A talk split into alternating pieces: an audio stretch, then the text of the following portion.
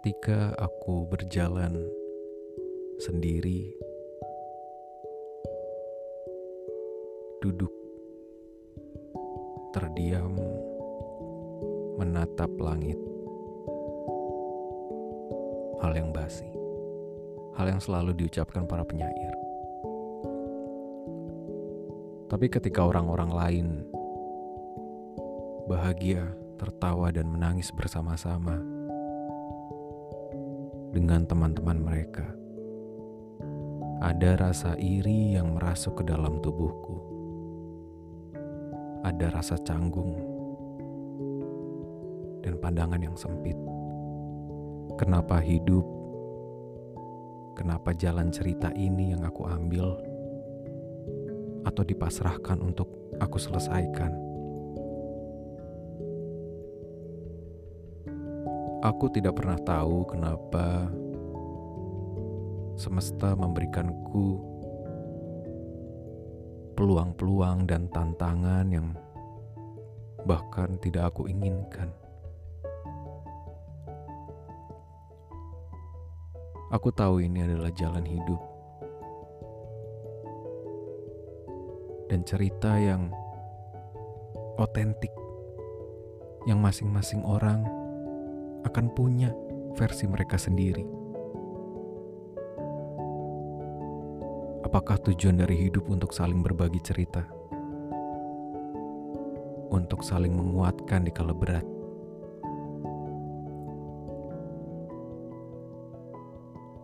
Untuk bisa bermanfaat? Apa manfaatku? Apa manfaatku di dunia ini? Apakah sudah atau belum? Satu persatu orang yang ku kenal pergi. Pergi meninggalkan garis hidup yang tadinya bersinggungan. Pergi dan beralih ke kehidupan yang lain. Aku sudah menyadari bahwa ada fase di mana aku harus melayat. Ikut mengiringi langkah-langkah terakhir orang-orang yang ku kenal. Akhir dari perjalanan perjalanan mereka di dunia. Sangat menyedihkan. Tapi sebetulnya kita semua akan menjalani itu semua. Kita kita semua akan ada di fase itu. Ada di kejadian itu. yang hidup pasti akan mati.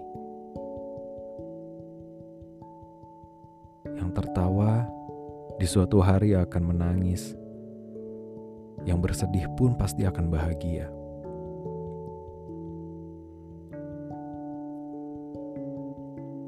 Surat cinta dari masa lalu. Selembar kertas yang hadir kembali setelah 10 tahun pergi.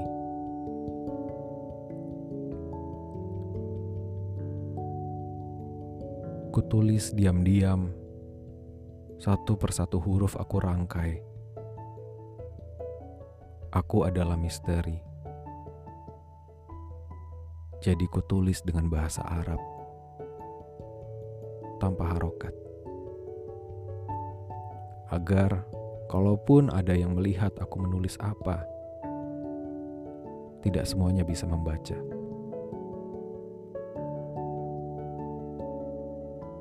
Terkadang aku merahasiakannya dengan morse atau sandi-sandi yang aku pelajari dari pramuka.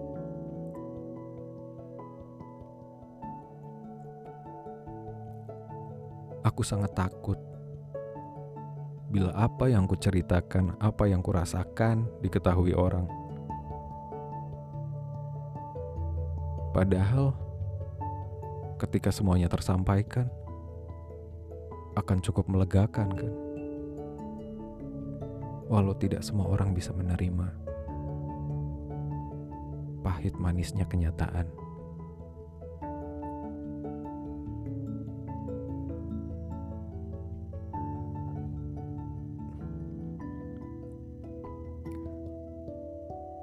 Air mata dan tawa.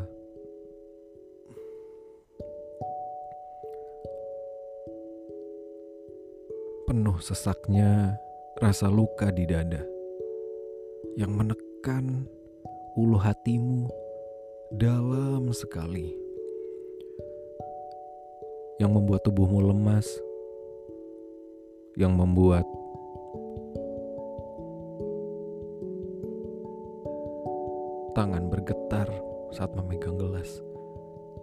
sendok, ataupun pena, ataupun alat-alat kerja yang biasa kita gunakan untuk menopang hidup. Kehilangan dengan versinya masing-masing. Kehilangan dengan levelnya masing-masing itulah tetap kehilangan. Tetap saja ada sesuatu yang ditarik dan dicabut, dan itu sakit. Itu sakit dan perlu waktu untuk menyesuaikan diri dengan keadaan, dengan sesuatu yang harus terbiasa bahwa kemauan, mimpi, harapan bisa digantungkan, bisa juga tidak semuanya tercapai,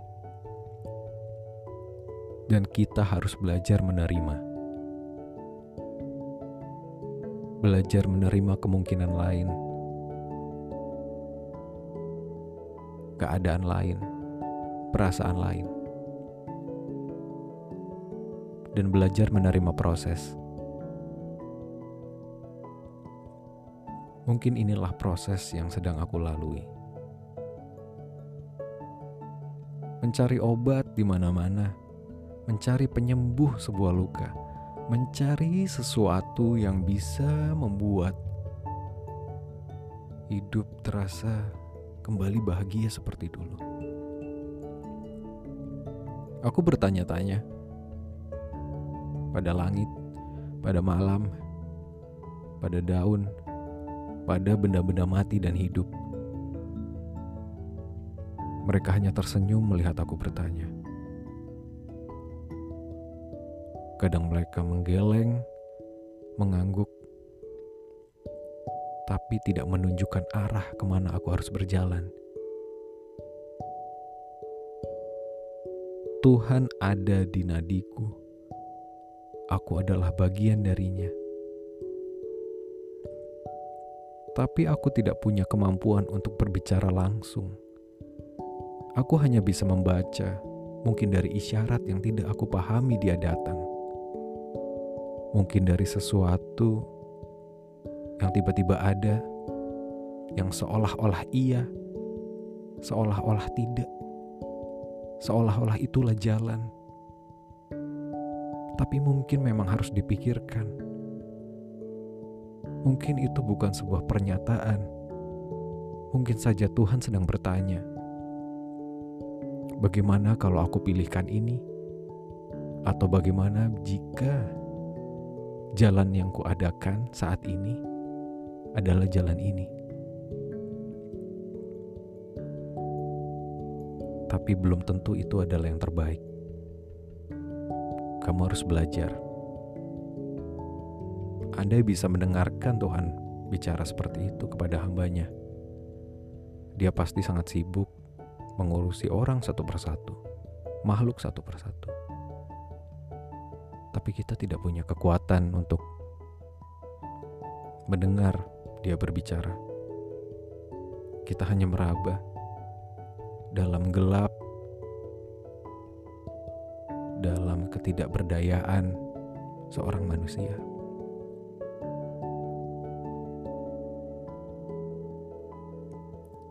Dengan merasa sedih, dengan turunnya air mata, dengan redupnya langit, dan kelabunya malam. Suara hening atau teriring suara hewan-hewan malam yang mencoba bernyanyi dan menghibur.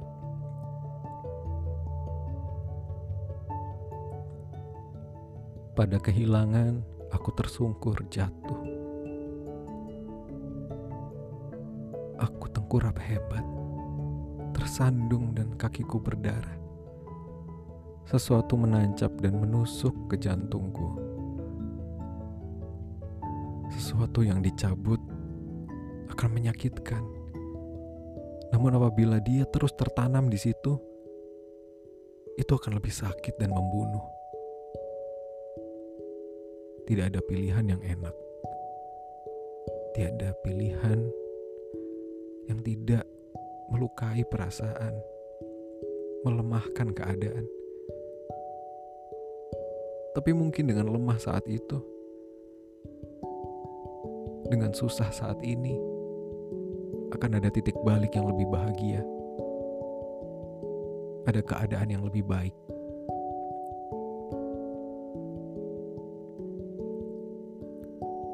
Aku berjalan seorang diri.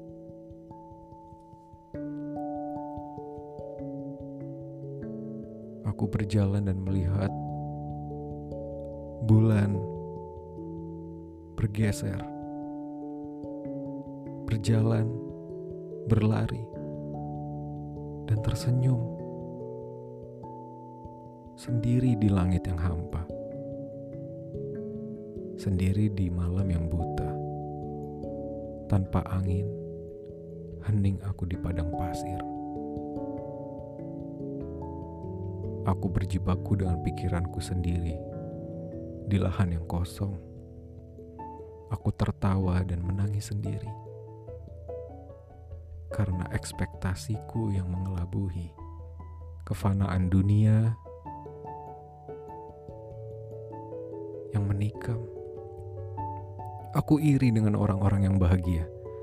Aku iri dengan semua kemudahan yang aku lihat walaupun ada susah yang tersembunyi dan jadi misteri. Tapi aku iri. Aku iri ada yang menyayangi aku. Ada yang mengasihi aku. Sedekat tulus Tuhan atau ibu kepadaku. Aku iri dengan apa pun yang aku minta dan terkabul. Aku iri dengan sesuatu yang datang dan tidak pernah pergi. Aku iri.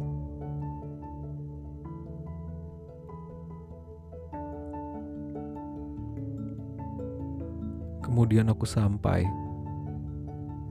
Aku sampai di jantung setelah melewati paru-paru aku sampai kepada sesuatu yang berdetak, sesuatu yang membuat hidup, sesuatu yang jika berhenti, semuanya akan mati. Lalu aku bergantung padanya, lalu aku berdiam dan membisikkan kata-kata bahwa rasa ini ku artikan sayang kepadamu.